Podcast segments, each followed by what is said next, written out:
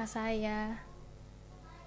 Hari ini kita akan membahas topik minggu kemarin yaitu mengenai vaginismus.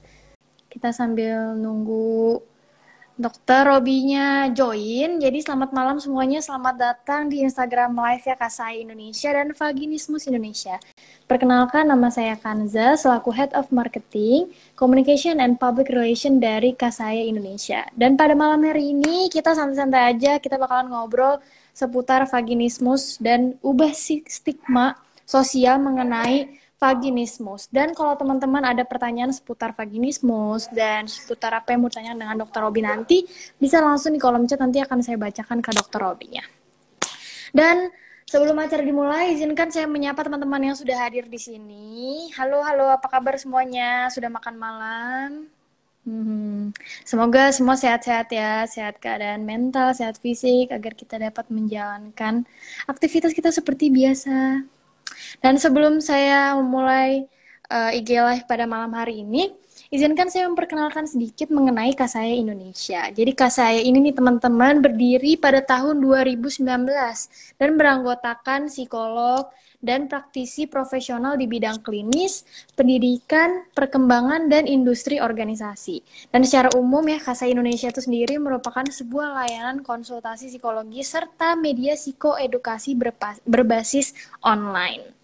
Oke, halo, halo selamat malam Dokter Robi, apa kabar dok? Malam. Kita bertemu Baik. lagi di malam hari yang cerah ini. Ya, senang okay. sekali bisa ketemu lagi. Oke, oke. Semoga malam hari ini lancar ya dok ya. Iya, amin, oke, amin. amin, amin. Oke, terima kasih banyak Dokter Robi atas kesempatannya sudah mau hadir kedua kalinya di G Live Kak saya.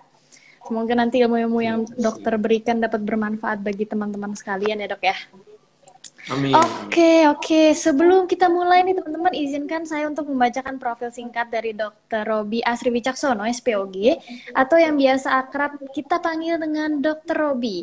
Beliau ini merupakan praktisi medis vaginismus komprehensif pertama yang ada di Indonesia, yang berpraktik di Rumah Sakit Ibu dan Anak Limi Jati Bandung, dan merupakan perintis penanganan medis dengan visi ramah vaginismus dengan tagline Support Vaginismus, Respect Vaginismus Dan beliau ini merupakan pendidikan lulusan dari pendidikan dokter spesialis obstetri ginekologi FK Unpad Rumah Sakit Dr. Hasan Sadikin bertepatnya di Bandung pada taha, pada tahun 2011 dan pada tahun 2013 itu sendiri beliau mengikuti multimodal treatment on vaginismus course di Plastic Surgery Center Manchester New Hampshire USA Selain itu pada tahun 2018 kemarin teman-teman, Dr. Robi mendapatkan rekor muri sebagai dokter penggiat vaginismus pertama yang ada di Indonesia. Terus, Dr. Robi juga melakukan edukasi publik dengan menjadi pembicara di berbagai forum nasional dengan platform media sosial Instagram di @vaginismusindonesia. Teman-teman bisa cek sendiri Lalu beliau juga menjadi pembicara ilmiah vaginismus baik di dalam maupun luar negeri nih teman-teman. Seperti pada Maret 2020 kemarin, beliau menjadi pembicara utama pada Kongres Vaginismus pertama yang ada di Asia Tenggara yang diselenggarakan oleh bagian psikiatri Fakultas Kedokteran University Kebangsaan Malaysia. Dan saat ini teman-teman Dr. Robi menangani penderita vaginismus yang berasal dari seluruh Indonesia dan luar negeri seperti Australia, Singapura, Cina, Jepang, Switzerland dan Belanda. Jadi memang teman-teman Dr. Robi ini memang terkenal worldwide lah ibaratkan. Benar ya Dr. Robi ya? Amin. Oke. Okay. Berikut sekilas profil singkat yang bisa saya bagikan ke teman-teman. Baik kalau begitu tanpa ditunda lagi nih teman-teman. Langsung aja kita mulai ya dok ya kita masuk ke pertanyaan yang pertama kita mengulang, mengulang yang kemarin. Kita ya. mulai dari pertanyaan yang paling dasar yaitu sebenarnya vaginismus itu apa sih dok? Oke, terima kasih Kanza. Bagaimana sekarang video dan suara kita sudah oke? Okay? Wah lancar sekali dok kali ini. oke, baik. Ya jadi rekan-rekan sekalian, vaginismus itu adalah penyakit ya. Vaginismus itu adalah penyakit. Dan vaginismus itu bukan kurang rileks. Seperti ada flyer di belakang saya ini saya sengaja khusus membuat ini untuk uh, live Instagram secara terbalik gitu agar pakai kamera depan dia tidak terbalik. Jadi vaginismus itu bukan kurang rileks ya, sebagaimana yang di luar sana orang ya cenderung menggembar-gemborkan bahwa vaginismus itu kurang rileks. Padahal secara fakta ilmiah, secara klasifikasi medis yang dikeluarkan oleh WHO, tidak pernah dinyatakan bahwa vaginismus itu adalah sebuah penyakit pikiran. Vaginismus adalah penyakit organ. Karena vaginismus tercantum di dalam klasifikasi penggolongan penyakit yang dikeluarkan oleh WHO yang bernama ICD atau International Classification of Diseases dan dia termasuk ke dalam klasifikasi penyakit organ reproduksi. Apa organ yang terkena penyakit? Adalah vagina. Dan apa definisinya? Definisinya adalah adanya kekakuan otot dinding-dinding vagina yang tidak bisa dikendalikan. Ini harus digarisbawahi ya kan saya. Tidak bisa dikendalikan oleh penderitanya itu sendiri. Sehingga menyebabkan kendala maupun kegagalan penetrasi vagina. Secara umum, gejala klinis itu terbagi menjadi dua bagian besar. Yang pertama adalah kegagalan penetrasi. Kegagalan ini terjadi pada sekitar 80% lebih kasus. Jadi yang terbanyak itu memang orang dengan vaginismus itu ya singkat cerita ya penis tidak pernah bisa masuk ke vaginanya. Itu yang terbanyak. Kemudian sebagian kecil, sekitar kurang dari 20 persennya, itu adalah kendala penetrasi. Kendala itu apa? Misalnya yang terbanyak adalah pada saat aktivitas seks penetrasi bisa terjadi, namun uh, oleh sang perempuan itu dirasa selalu sakit. Walaupun foreplay sudah cukup dilakukan, vagina juga lubrikasi alaminya sudah muncul dengan banyak, dan bahkan mereka juga sudah menggunakan uh, lubrikan tambahan. Tapi masih tetap sakit. Nah, itu patut dicurigai bahwa ya ada sesuatu yang salah, yaitu adalah vaginismus. Nah, hati-hati juga dengan uh, asumsi keliru di luar sana bahwa mungkin Kanza juga tahu ya, sebagai perempuan, sering kali perempuan kalau sakit penetrasi selalu diberikan respon, oh itu wajar, sakit itu wajar. Kamu terima aja sebagai perempuan, lawang melahirkan itu sakit kok. Iya, melahirkan memang betul sakit, melahirkan pervaginamnya. Tapi bukan berarti seksual juga boleh sakit, gitu. Apalagi sampai gagal. Betul, betul. Jadi Ya, itu asumsi yang keliru seolah-olah perempuan itu boleh kesakitan, seolah-olah sakit itu adalah hasil dari ketidakmampuan mengendalikan pikiran atau kekurang dewasaan. Padahal semua textbook kedokteran sudah menyatakan, textbook-textbook tentang seksologi juga menyatakan bahwa pain is never psychological. Sakit itu tidak pernah akibat pikiran. Sakit itu ya akibat adanya kelainan fisik. Jadi jangan pernah melakukan pembenaran bahwa sakit ataupun gagal penetrasi itu adalah yang masalah dengan pikiran. Namun bukan berarti saya di sini menganggap bahwa aspek pikiran pada orang vaginismus itu tidak ada. Oh, justru ada. Justru itu itu terbaca dengan jelas bahwa akibat adanya vaginismus orang tersebut justru mengalami gangguan-gangguan psikis, tapi bukan sebaliknya seperti yang di luar sana ramai dibicarakan. Seolah-olah vaginismus itu gara-gara gangguan psikis. Padahal kenyataan ilmiahnya kenyataan di lapangan, kenyataan pada pasien tidak seperti itu. Itu kan.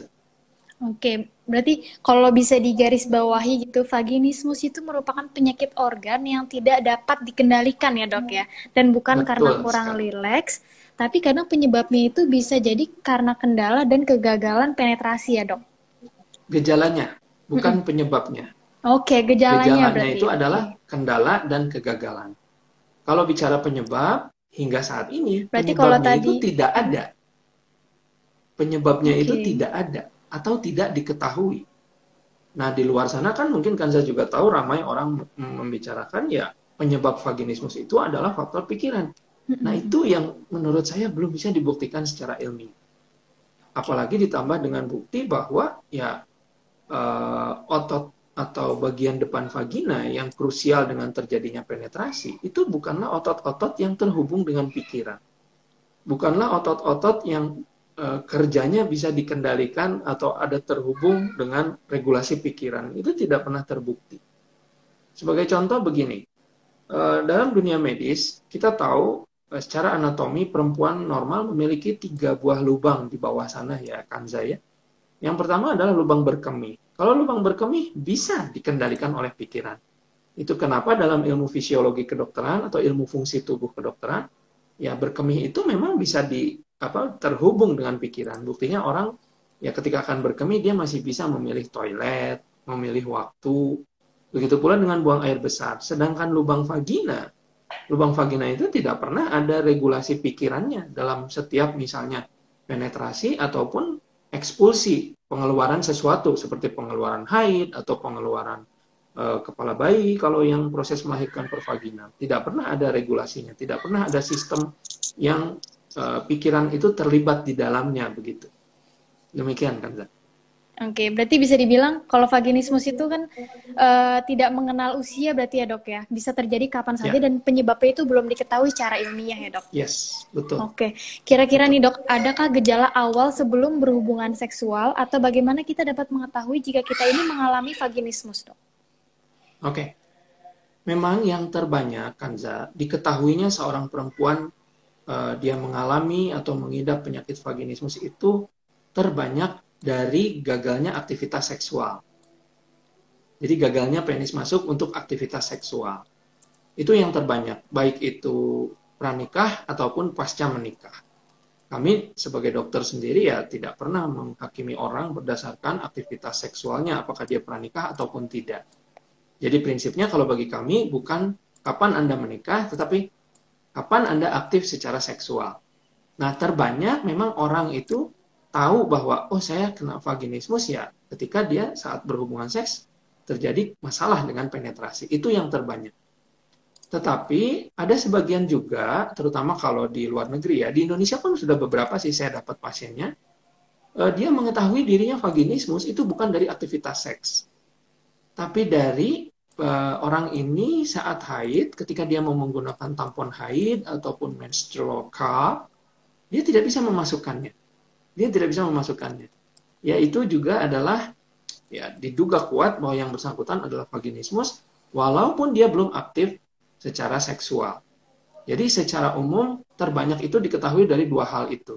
Dari gagalnya aktivitas seks dan juga uh, tidak bisa memasukkan menstrual cup ataupun tampon.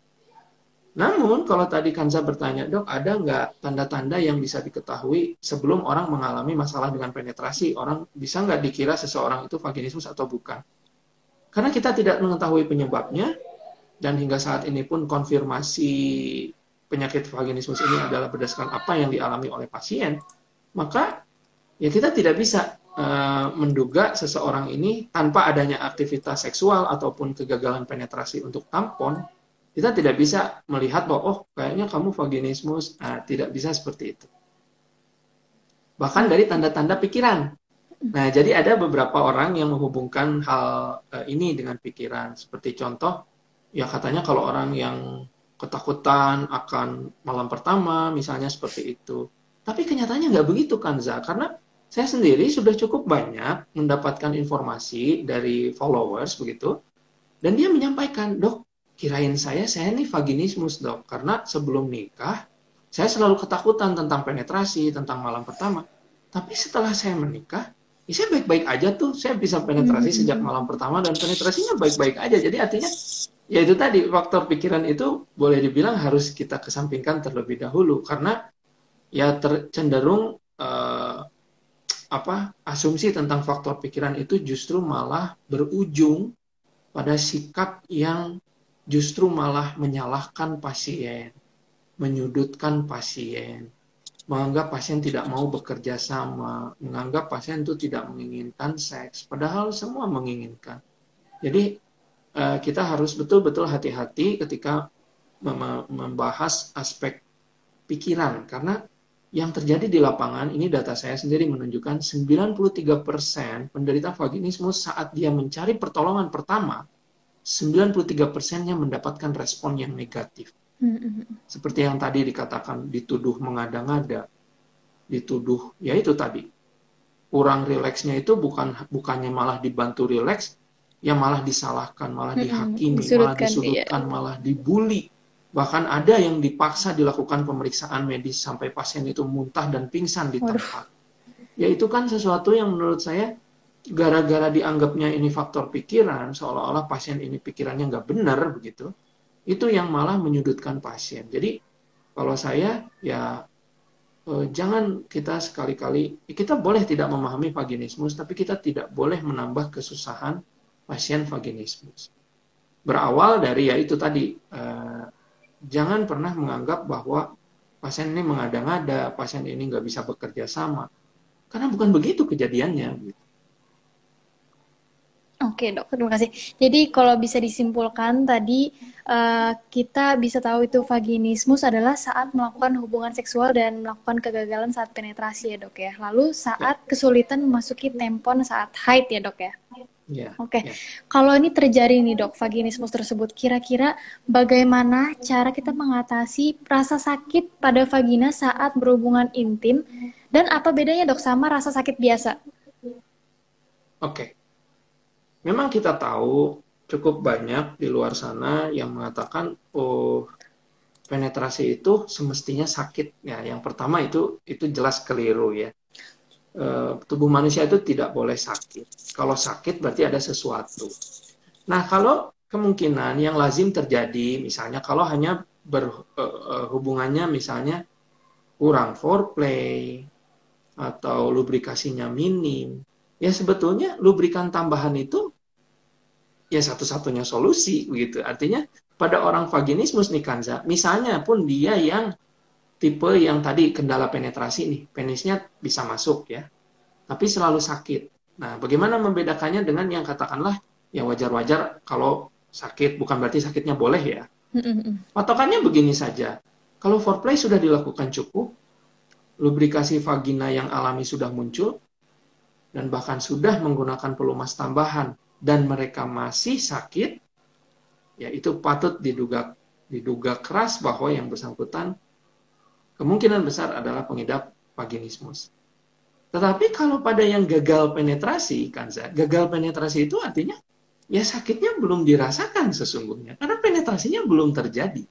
Oke, oke. Gitu. Jadi kalau yang uh, ya tidak ada masalah dengan penetrasi sebelumnya, ya sebetulnya foreplay cukup, lubrikan tambahan digunakan, harusnya masalah selesai. Nah, makanya bila hal itu masih terjadi walaupun foreplay cukup, vagina sudah becek, sudah basah, bahkan dia gunakan juga lubrikan tambahan dan masih sakit, apalagi masih gagal, yaitu vaginismus. Oke, jadi bisa dipastikan kalau misalkan foreplay-nya sudah cukup, terus habis itu lubrikasi sudah ditambahkan, bisa kemungkinan besar itu merupakan vaginismus dan segera dicekkan ke dokter ya dok ya? Oke. Betul, betul. Oke, kira-kira berarti tadi ada hubungannya dok ya kesulitan penetrasi dengan uh, vaginismus? Tentu, tentu. Seperti yang tadi saya sampaikan di awal, salah satu gejala vaginismus adalah ya sulit penetrasi atau bahkan gagal penetrasi, gitu. Oke, oke dok.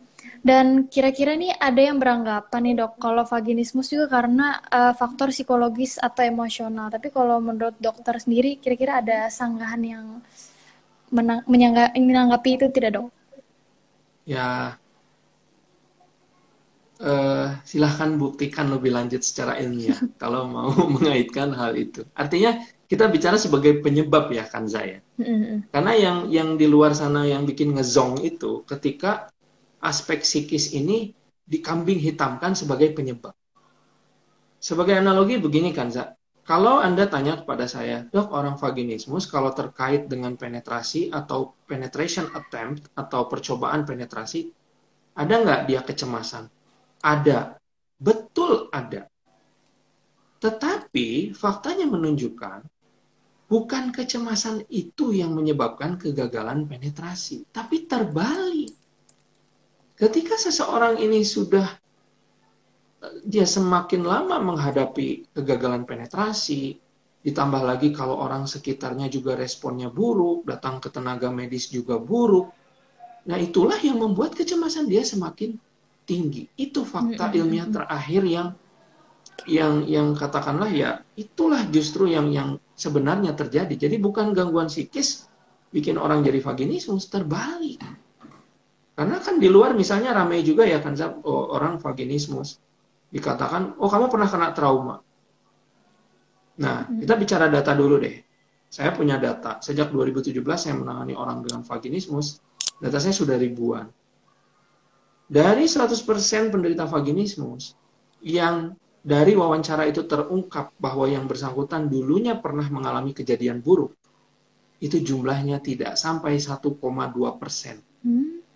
Okay, okay. Artinya 98, sekian persen lainnya hidupnya baik-baik saja kan. Hidupnya baik-baik saja. Dia tidak pernah mengalami kejadian buruk.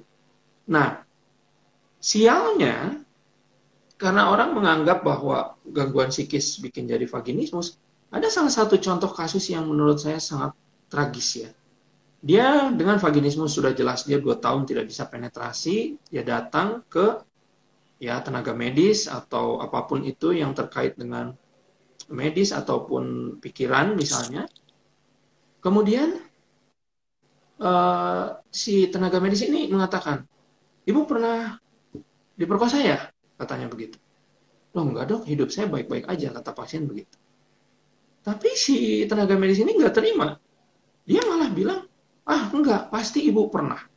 Bahkan dia sampai membunuh karakter istrinya di depan suaminya dengan mengatakan, nih pak, kamu dapat istri yang udah pernah diperkosa orang. Aduh. Apa, apakah itu yang apakah itu yang pantas pasien dapatkan ketika dia datang membawa ya dia datang itu dengan masalah, dia datang dengan kesusahan, dia datang dengan problem gitu. Tapi karena asumsi keliru tentang psikis ini yang yang menurut saya ya malah membuat pasien menjadi lebih tidak berdaya lagi. Jadi ya kan kalau saya di kedokteran itu ada tiga aspek dalam setiap penyakit ya kan saya ada aspek bio, psycho, dan sosial gitu. Ya orang itu aspek bio nggak pernah dilihat nih kalau pada orang vaginismus. Psikonya yang dilihat. Tapi psiko pun bukan bukannya malah memberikan solusi, malah yaitu tadi seperti kejadiannya yang tadi malah melakukan pembunuhan karakter, melakukan bully secara psikologis, ada juga yang bully secara fisik. Jadi artinya ya tentang hal itu marilah kita sama-sama lebih empati terhadap pasien karena ya orang boleh kok nggak ngerti sebuah penyakit. Orang boleh baru tahu tentang sebuah penyakit. Tapi saya rasa nggak ada pembenaran yang membolehkan orang boleh loh membuli seseorang. Hmm. Atas dasar apa pun saya rasa Betul. itu nggak pernah diperkenankan. Gitu kan, Zat. Oke, ini ada pertanyaan yang muncul nih dok di komen dari Mbak Sarifah katanya level paling tinggi vaginismus itu kira-kira cirinya gimana dok? Ada nggak tuh dok level-levelnya? Okay.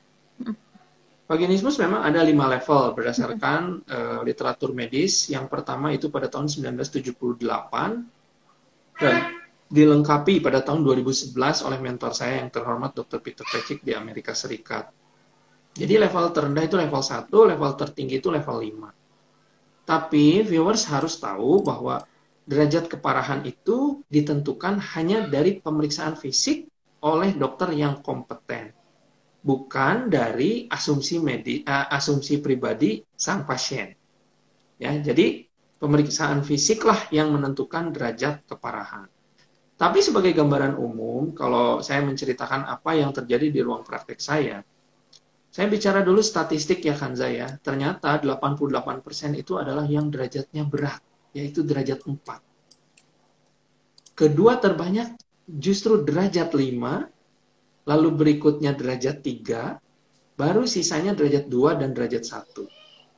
Jadi yang tampil di lapangan, yang secara klinis ada di lapangan, jelas sekali 88% adalah derajat 4. Apa sih derajat 4 itu? Ya sudah jelas, penis tidak bisa masuk. Itu hampir pasti adalah derajat 4.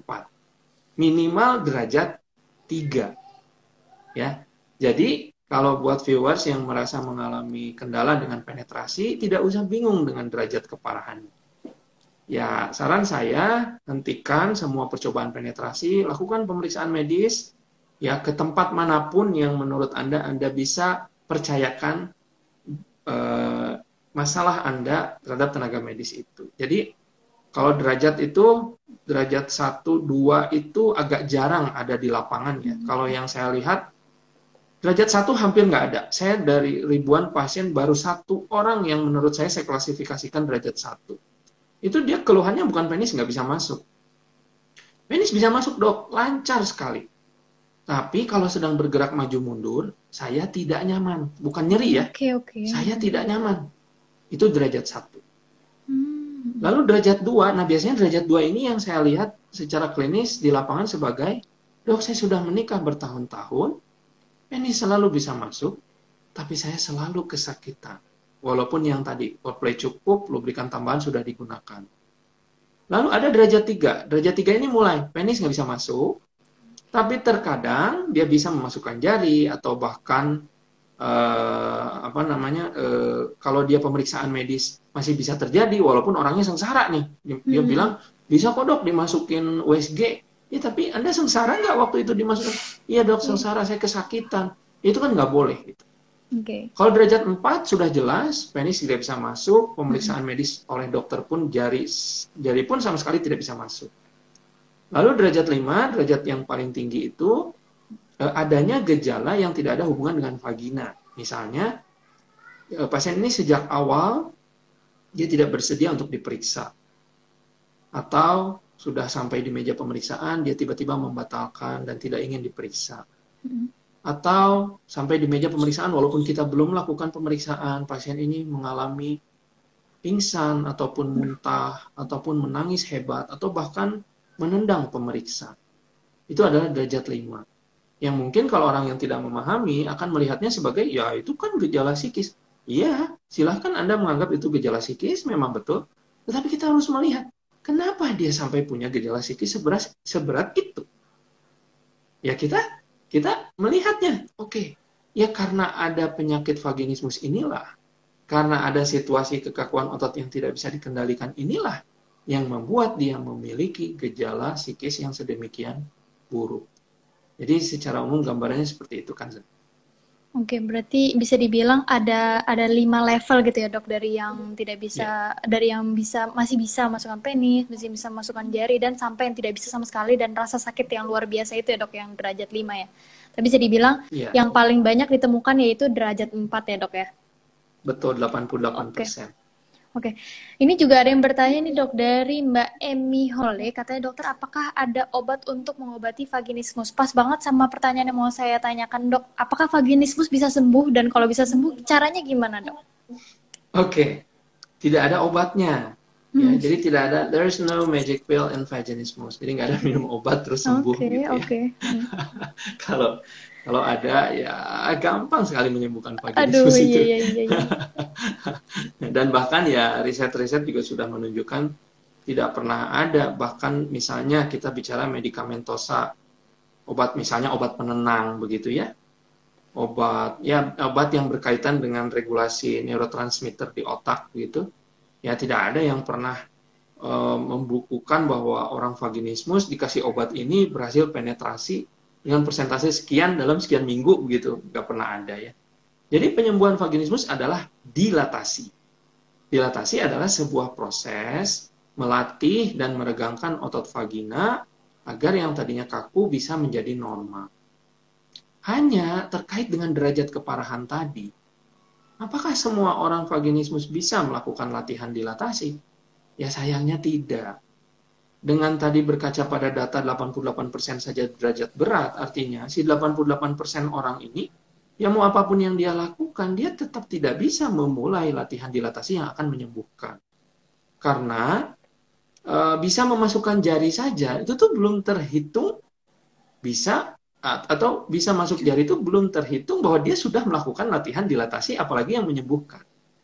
Oleh karena itu, apa yang kami lakukan sehari-hari di Rumah Sakit Ibu Anak Limiati, ya yang bahkan tadi Anda sebutkan waktu membacakan CV saya, jadi bukan saya kan Za yang pergi ke luar negeri mengobati pasien. Mereka itu yang datang ke Bandung. Mantap sekali. Mereka yang datang dari Papua, yang saudara sebangsa kita setanah air lah ya dari Pop. Semua provinsi saya rasa udah deh saya. Mereka udah datang ke Bandung ke tempat saya praktek dan bahkan saya juga uh, ya didatangi pasien dari luar negeri seperti yang negara-negaranya tadi sudah disebutkan oleh Kanza sebelum corona tentunya ya. Kalau sekarang orang tidak bisa masuk. Nah apa yang kami lakukan? Di rumah sakit itu kami melakukan sebuah prosedur medis yang hasil akhirnya dalam selang waktu dua jam setelah prosedur itu dilakukan berapapun derajat keparahan si pasien, dia langsung bisa melakukan latihan dilatasi yang akan membuatnya sembuh.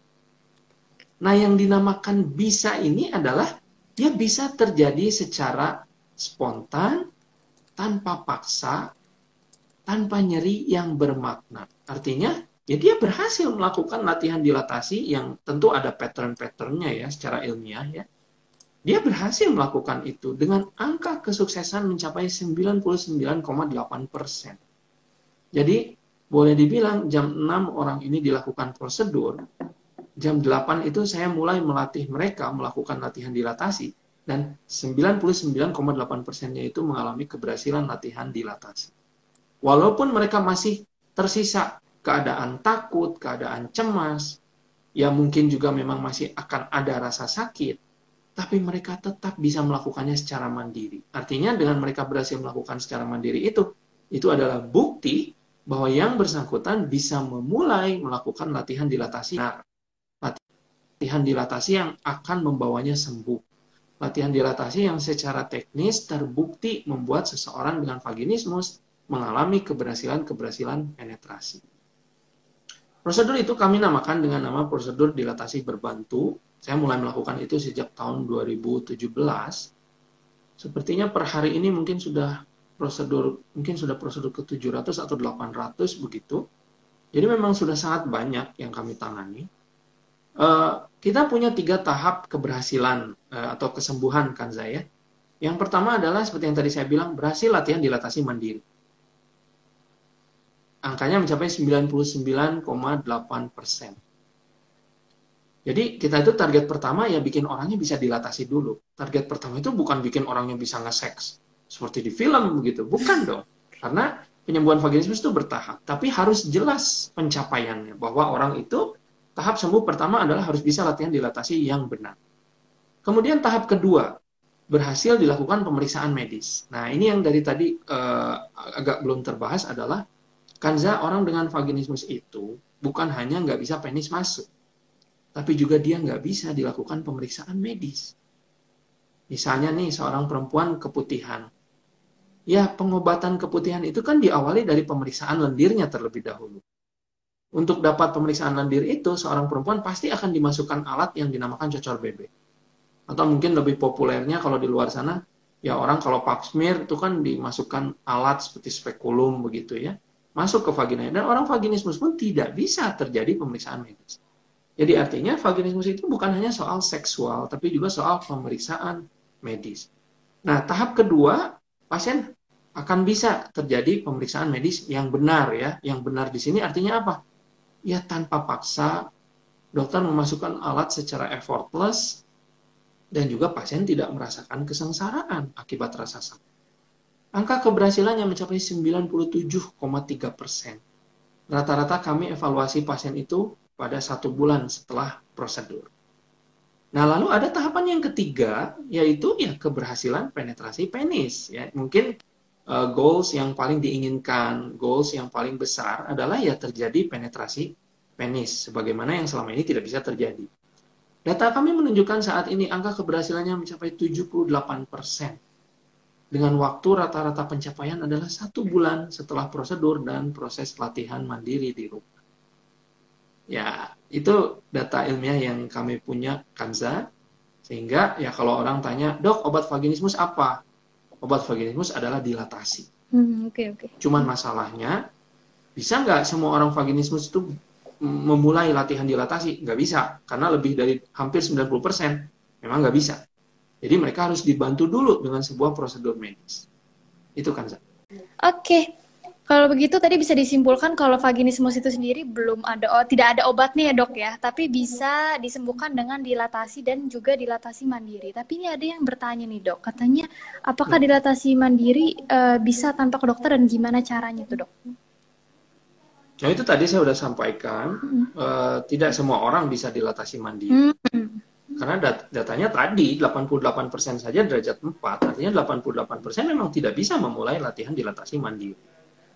Ada nggak dok yang bisa? Ya ada. Kan banyak yang menyatakan dia bisa melakukan latihan dilatasi mandiri dan dia uh, sembuh begitu.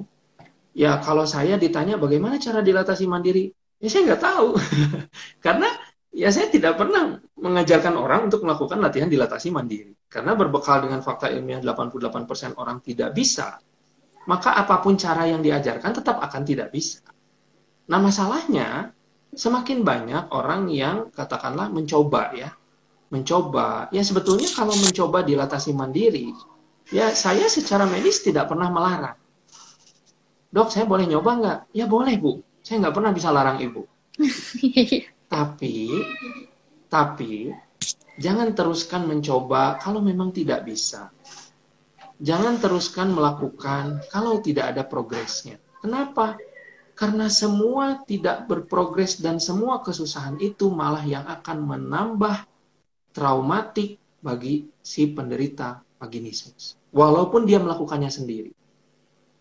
Jadi itu kenapa seperti yang tadi saya bilang, eh, saya memang bilang bahwa eh, silahkan bila Anda mau mencoba. Tapi saya tidak pernah bilang bahwa kalau Anda nggak bisa, paksain terus ya. Cobain terus ya sampai bisa. Nah itu yang keliru. Ya memang tidak semua orang bisa begitu. Justru kalau Anda nggak bisa, segera hentikan. Karena makin Anda memaksakan, Anda malah makin akan buruk gangguan iya. cemasnya. Jadi balik lagi bukan trauma bikin vaginismus, Kebalikannya. Justru orang vaginismus ngalamin trauma, baik itu yang katakanlah tidak diinginkan, juga yang dibikin sendiri gitu. Jadi Baik. kalau nanya, dok gimana cara dilatasi mandiri? Ya saya nggak pernah bisa mengajarkan orang dilatasi mandiri. Saya hanya, yang saya kerjakan adalah orangnya dibuat dulu bisa, baru kita ajarkan tekniknya. Okay. Karena teknik secanggih apa pun melakukan latihan dilatasi, ya kalau orangnya jelas derajatnya tinggi dan dia nggak dilakukan prosedur, ya sampai kapan pun memang nggak akan pernah bisa tercapai gitu latihan yang akan bikin dia sembuh. Jadi kalau saran saya, ya fokuslah terhadap kesembuhan Anda. Saya tahu itu tidak mudah, tetapi berfokuslah dengan benar. Artinya begini, kalau Anda memang mau mencoba, silahkan mencoba. Tapi fokus, Anda harus tahu kapan Anda berhenti. Karena itu nanti yang akan menambah trauma Anda. Dan jangan berfokus membuktikan diri bahwa Anda tidak memerlukan tenaga medis.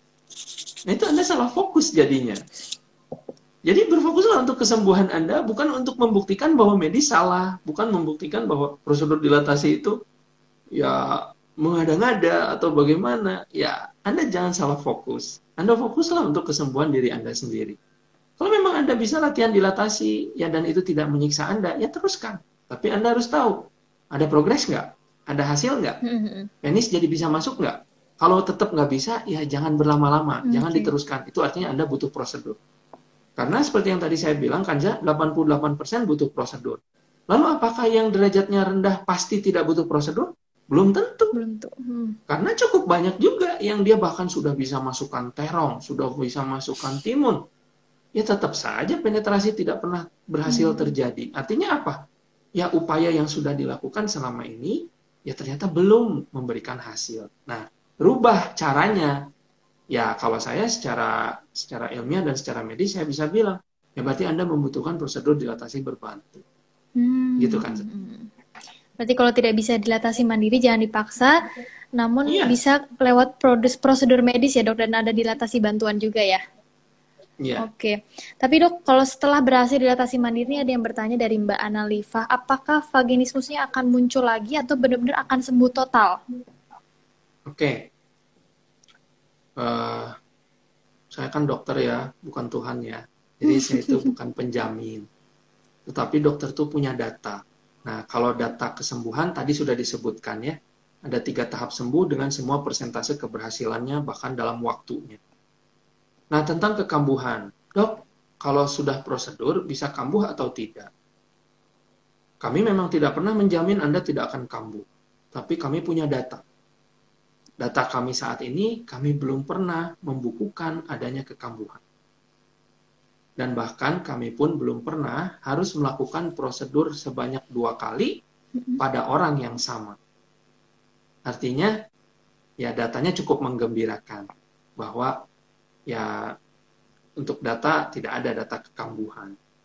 Tapi orang juga harus tahu ada yang namanya vaginisme sekunder, Kanza. Oke, okay, oke. Okay. Sekunder itu kan tadinya dia semua penetrasinya baik-baik saja, kemudian setelah waktu tertentu tiba-tiba dia menjadi vaginisme. Nah, makanya kita selalu berasumsi siapa saja bisa terkena vaginismus kapan saja. Jadi mungkin nggak orang yang kena apa uh, habis prosedur terus dia mengalami vaginisme sekunder gitu ya? Mm -hmm Ya, walaupun datanya belum ada, kalau bicara mungkin atau tidak, ya mungkin-mungkin saja. Tetapi jangan sampai begini.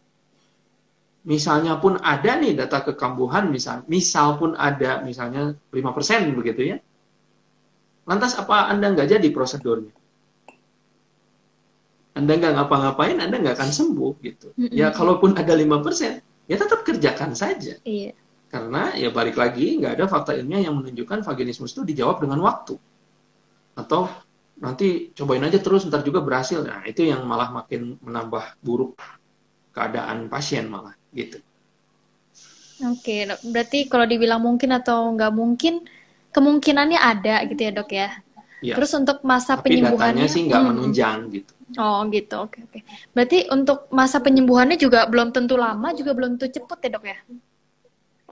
Ya, seperti yang tadi saya sebutkan, Kanza, rata-rata data sudah saya sebutkan. Berhasil dilatasi mandiri itu dalam dua jam, mencapai 99,8 persen. Berhasil pemeriksaan medis dalam satu bulan itu 97 persen. Dan berhasil terjadi penetrasi penis itu terjadi pada 78 persen dengan waktu rata-rata pencapaian satu bulan. Diukur saja dari data yang ada. Oke, oke. Berarti kalau untuk vaginismus sendiri nih dok, uh, kira-kira bagaimana cara menghindari terjadi vaginismus? Tapi sepertinya dari uh, penjelasan dokter Robi, karena belum ada penyebabnya, jadinya kita masih belum ya. tahu pasti ya dok ya? Betul, makanya saran saya nih Kanza, kan banyak tuh seperti yang tadi saya bilang. Dia ya kan informasi sekarang beredar ya. Orang ini belum aktif secara seksual, dia juga nggak pakai tampon dia juga belum butuh pemeriksaan medis. Lantas dia nanya, dok, gimana tahunya nih saya bakal vaginismus apa enggak? Ya saya bilang memang nggak bisa diketahui. Kamu hidup aja seperti biasa. Kamu nggak usah mengkhawatirkan itu. Kecuali, nah sering ada orang menyembunyikan fakta, Kanza.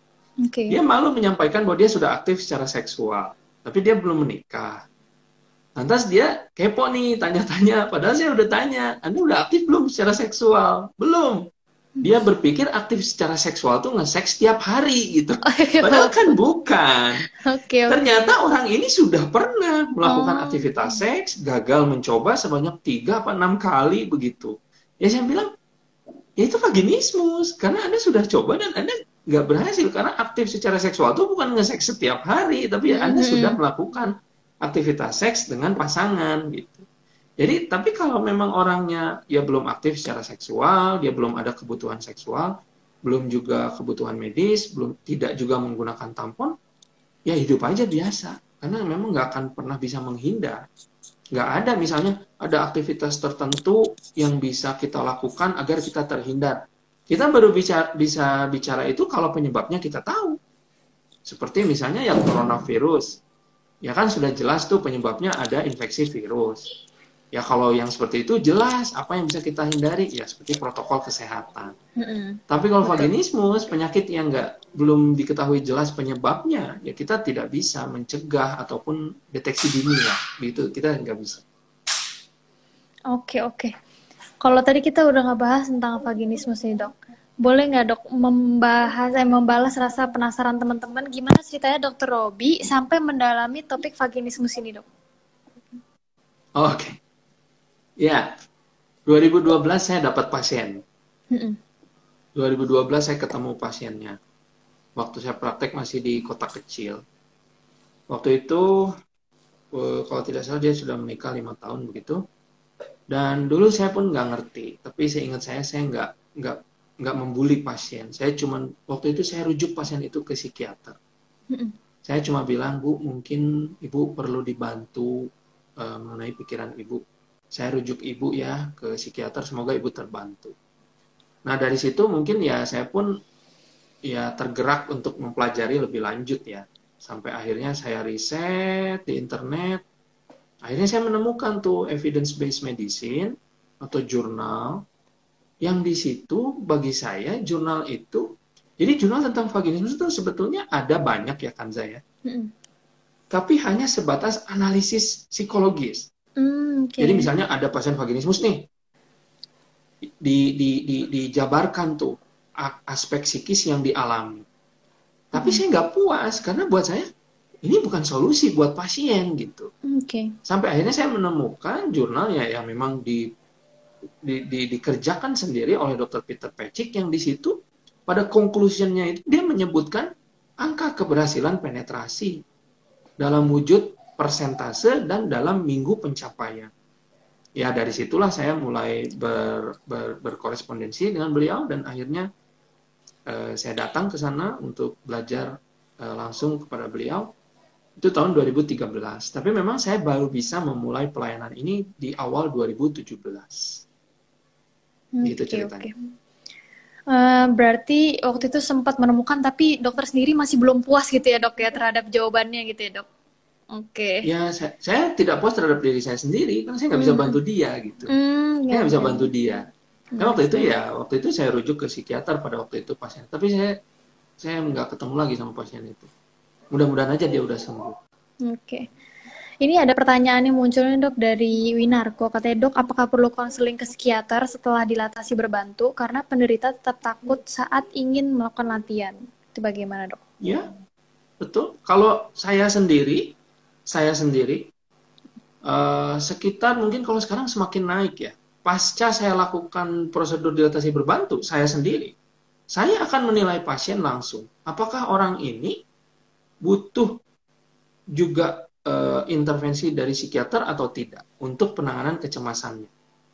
Dan angkanya semakin meningkat, Kanza, karena karena begini, uh, apakah pasien selalu mendapatkan bantuan ketika diintervensi psikisnya? Kenyataannya tidak, seperti yang tadi saya bilang. Dia datang ke sebuah pelayanan yang katanya akan membantu psikisnya tapi sesi itu hanya diisi dengan menyalah-nyalahkan pasien. Okay. Membunuh karakternya pasien. Ya, dulu saya pun bingung gitu mau bekerja samanya dengan siapa gitu. Sehingga kalau dulu angka yang saya rujuk itu kecil sekali, mungkin sekitar di bawah 10-20 persen. Hmm. Tapi sekarang kebetulan saya sendiri sudah menemukan mitra yang kami punya pemahaman yang sama tentang vaginismus kami punya visi yang sama terhadap pasien. Sehingga memang sekarang kalau boleh dibilang mungkin sekitar 60 sampai 80 persen pasca dilatasi berbantu itu pasien langsung kami berikan penanganan uh, psikiatri sehingga hmm, hmm, hmm. pasien pulang ke rumah dengan keadaan yang lebih baik sudah jelas fisiknya dibantu prosedurnya dikerjakan latihan dilatasinya tercapai dan dampak-dampak vaginismus yang buruk selama ini yang memberikan sisa kecemasan bahkan depresi itu juga dibantu sehingga dia bisa pulang ke rumah dengan keadaan yang lebih baik, bisa latihan dengan baik dan seksnya pun bisa tercapai dengan baik. Jadi jawabannya tentu perlu tapi harus selektif juga siapa yang akan menanganinya. Oke, baik. Berarti intinya 60 sampai 80 persen itu akan dirujuk ke psikiater ya dok kira-kira ya dok? Ya, yang saya lakukan ya kan saya, yang saya lakukan. Oke. Ini sepertinya banyak pertanyaan yang muncul, dok. Mungkin teman-teman penasaran gimana caranya konsul ke dokter Robi, terus dokter uh, konsul prakteknya di mana, terus habis itu kalau online bisa nggak dok? Gimana caranya mungkin bisa menjawab rasa penasaran teman-teman dok? Untuk info okay. sedikit. Untuk rekan-rekan yang memang sudah jelas mengalami masalah dengan penetrasi, mm-hmm. Anda silahkan DM saya di Instagram Vaginismus Indonesia. Itu akun saya sendiri yang kelola mm-hmm. dan saya sendiri yang balas DM-nya. Tapi di sana Anda ya Anda sampaikan dulu dong ya identitas, apa yang Anda alami sehingga Anda menghubungi saya. Ya Anda sampaikan, nanti pasti setelah saya lakukan penilaian awal pasti langsung terhubung saya hubungkan dengan WhatsApp saya sendiri. Nah, nanti di WhatsApp itu akan saya berikan informasi-informasi dasar tentang vaginismus, tentang ya fakta-fakta ilmiahnya, tentang bagaimana program uh, pengobatannya, okay. bahkan uh, appointment pertemuan dengan saya itu ya memang dengan saya langsung begitu. Saya yang mendaftarkan pasien langsung ke rumah sakit karena okay. saya ingin pelayanan ini ya terjadi dengan akurat, tepat waktu, uh, terbagi dengan jelas gitu antar satu pasien dengan yang lain. Jadi kalau Anda memang merasa mengalami masalah dengan penetrasi, ya Anda DM saya saja di Instagram Vaginismus Indonesia. Kemudian ke, banyak juga kan saya yang bertanya, dok e, bisa nggak online? Ya saya cuma bilang begini, vaginismus itu penyakit fisik. Bagaimana penyakit fisik bisa disembuhkan secara online? Bahkan penyakit psikis pun saya yakin ya Kanza Anda di bidang psikologi pasti ya online tidak akan menjawab segalanya toh. Iya. Betul nggak Kanza? Betul. Kita ini harus ketemu dengan klien, dengan pasien begitu. Apalagi yang memang jelas bahwa penyembuhan vaginismus itu tonggak pertamanya adalah penyembuhan secara fisik terlebih dahulu. Tetapi bukan berarti Anda tidak bisa mendapatkan apa pun secara online. Makanya saya bilang WhatsAppan dengan saya itu bukanlah pengobatan, tetapi ya pemberian informasi. Okay. Kalau proses berobatnya sendiri, ya memang harus bertemu langsung, tidak mm -mm. tidak ada pengobatan secara online begitu. Ya. Baik, jadi intinya kalau untuk rekan-rekan yang ingin bertanya seputar informasi vaginismus atau mungkin konsultasi, bisa langsung DM ke IG vaginismus dan bisa diproses langsung ya. oleh dokter Robi ya dok ya. Oke. Okay. Uh, mungkin segini aja dok pertanyaan-pertanyaan seputar vaginismus. Tapi sebelum menutup IG live kita di malam hari ini dok, boleh nggak sharing sedikit kepada rekan-rekan gitu? Ada mungkin pengalaman yang menarik atau memorable saat dokter Robi praktek uh, selama menjadi dokter vaginismus? Uh, yang bagus apa yang jelek nih? uh, mungkin bebas lah dok. ya mau di-share okay. yang mana? Yang Gini paling aja. memorable lah. Ya, ini baru terjadi sekitar seminggu lalu ya. Jadi saya dapat pasien dari Jawa Tengah nih, Kanza. Hmm. Dia datang untuk pertemuan awal, kan kalau saya tuh jelas pelayanannya ya.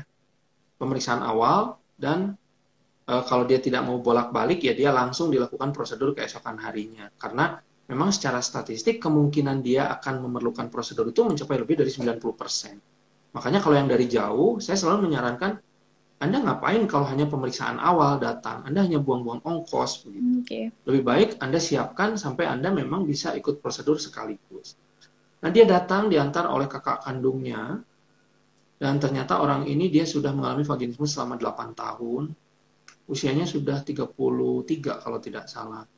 Dan dia 8 bulan lalu sudah diceraikan ya karena vaginismus ini. Artinya apa Kanza? Saya salut sekali dengan orang itu. Karena apa? Dia mau menghargai dirinya sendiri, dia mau terus berjuang untuk kesejahteraan dirinya sendiri. Karena walaupun mungkin orang sekitarnya akan bilang, lah kan kamu sudah cerai loh. Saya tadi sudah sampaikan, vaginismus itu bukan hanya masalah seks, Betul. tapi juga masalah kesehatan Anda pribadi.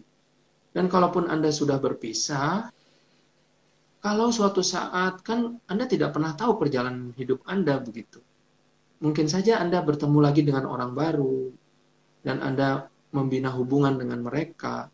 Tentu Anda juga tidak mau e, nasib aspek seksual dalam pernikahannya itu sama seperti pernikahan yang sebelum. Jadi orang ini tetap dia berobat, e, dia sudah berpisah dan saya juga tanya, e, Anda sudah secara legal sudah berpisah atau tidak? Karena banyak juga perempuan tuh di sana yang di luar sana yang ya bilangnya pisah tapi aspek legalnya tidak pernah diurusi gitu. Hmm, okay. itu kan jadi bom waktu nanti dia bilang sudah dok saya sudah sudah aktanya sudah keluar artinya ya saya mau berobat untuk diri saya sendiri ya saya bilang waktu itu sama dia bahwa saya justru berikan selamat eh, selamat ya Anda sudah tidak lagi harus hidup dengan orang yang hanya menganggap diri Anda adalah sebuah benda yang tugasnya itu hanya untuk dimasuki penis. Mm -mm. Ya, saya ucapkan selamat justru. Dia agak kaget sebetulnya waktu itu. Loh, kok dokter selamat loh? Saya bilang, siapa yang bilang perceraian itu selalu buruk? Dan temannya, si kakaknya ini bilang, ya dok, saya lihat hidup adik saya lebih baik setelah berpisah. Ya artinya apa? Ya pernikahan dan perceraian itu adalah pilihan bukan bukan kewajiban yang harus dipertahankan ataupun dihindari. Tuhan pun tidak pernah menghendaki Anda bertahan dalam pernikahan, tetapi ya isinya hanya bully, isinya hanya KDRT, isinya hanya saling menyakiti satu sama lain.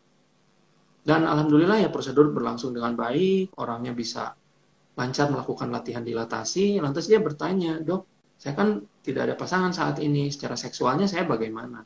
Ya nggak apa-apa, Anda teruskan saja latihan dilatasi.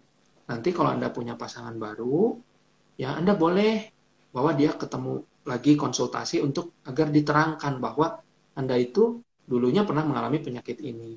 Dan Anda harus terangkan, Anda nggak boleh menyembunyikan hal ini, karena dia berhak tahu. Karena dia mungkin saja akan mengalami ya itu masalah di awal-awal e, mencoba seks misalnya begitu. Tapi dengan Anda sudah dilakukan prosedur, ya tentu kemungkinan untuk terjadi lagi seperti dulu sudah jauh berkurang dong dengan dia sudah prosedur ya paling tidak 78% kemungkinannya akan berhasil begitu kan sesuai data tadi. Ya di situ dia uh, dia terharu dia menitikan air mata hmm. ya dia cuma bilang e, makasih dok sudah menghargai saya sementara selama 8 tahun ini saya tidak tidak pernah ada satupun yang menghargai saya. Ya termasuk orang terdekatnya sendiri. Ya di sini saya cuma mau menyampaikan bahwa saya selalu bilang, apa pun status Anda, ada ataupun tidak ada pasangan Anda, kalau Anda vaginismus, Anda harus berobat. Karena kesembuhan vaginismus adalah untuk diri Anda sendiri, bukan untuk penis pasangan Anda. Itu okay. aja Tante. Kayaknya itu bisa menjadi quotes of the day kita di malam hari ini ya dok ya. Oke okay, baik, terima kasih banyak uh, Dokter Robi atas pertanyaan-pertanyaan dan jawaban-jawaban yang mungkin sudah menjawab teman-teman yang awam dan mengubah stigma sosial mengenai vaginismus ini sendiri. Mungkin sekiranya Sama-sama. kalau ada uh, perkataan yang salah atau mungkin teman-teman rekan-rekan sekalian kalau ada pertanyaan lebih lanjut mengenai vaginismus kan tidak bisa kita bahas semuanya di sini ya karena melihat waktu juga bisa langsung DM ke Dr. Robi di @vaginismus Indonesia. Nanti langsung akan dijawab oleh Dr. Robi. Oke, okay, kalau begitu uh, eh, IG live kita di malam hari ini sampai saat eh sampai saat ini aja, Dok. Semoga kita dapat bertemu di lain waktu dan semoga dapat ya. bermanfaat buat rekan-rekan semuanya. Semoga dokter sehat-sehat selalu ya, Dok ya. Amin, sama-sama Kanza. Oke. Okay. Terima kasih atas Kalau kesempatannya. Gitu. Sehat selalu Terima kasih ya. Kembali dokter. Oke. Okay. Terima kasih semua teman-teman. Terima kasih dok. Terima kasih semuanya. You know,